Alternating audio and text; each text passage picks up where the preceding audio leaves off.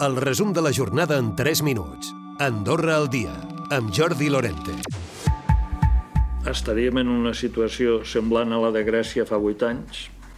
Disciplina fiscal, canvi eh, del model fiscal i eh, generació d'activitat empresarial que creï riquesa i creant riquesa que pugui contribuir amb uns impostos que no han de passar del 10%, però que tots han de pagar el 10% és Jaume Bartomeu, l'excap de govern, president de Progressistes SDP, dient que urgeix un pla d'amortització per reduir el dèficit estructural en 10 anys. Ho ha dit en l'estudi encarregat pel Centre d'Estudis i Recerca Socialdemòcrata, un informe on també alerta que cada punt d'increment en el cost de finançament suposaria una càrrega addicional de 13 milions d'euros a l'any.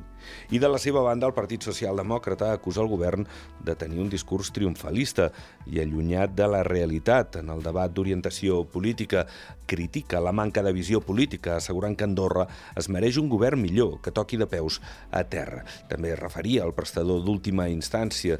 Diu que no és com a tal i que segurament no és la millor opció que tenia el govern.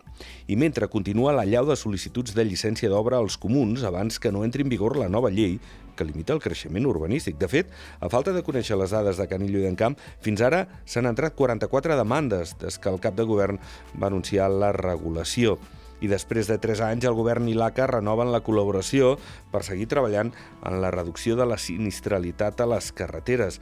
Es vol que baixi el 50% al 2013 i a zero al 2050. La base d'aquesta feina conjunta ha de ser la sensibilització, motivada enguany per un clar neguit, les distraccions al volant. Això sí, els usuaris del bus gratuït se n'alegren d'aquest fet. Eh, ahora como es gratis, entonces eso ayuda mucho. Tengo el coche en el mecánico y sí lo estoy utilizando. Y estoy aprovechando la, la tarjeta que han dado. Como estoy viviendo en el PAS, lo utilizo frecuentemente, no sé, voy y vengo tres, cuatro veces por semana. Je prends le bus parce que euh, je trouve euh, que c'est difficile de se garer, euh, c'est cher aussi. La polèmica sobre el projecte de Grífols continua molt present.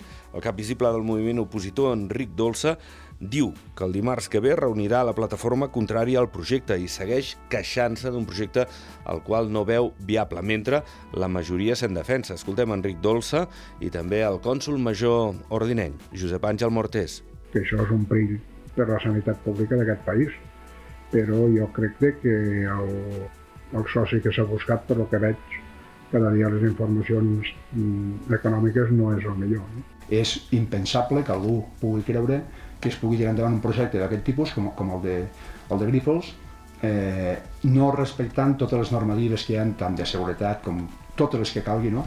I Andorra ha dut a terme aquest dijous el Clean Up Day, una campanya internacional per conscienciar la població sobre la contaminació per les escombraries. Recupera el resum de la jornada cada dia a Andorra Difusió.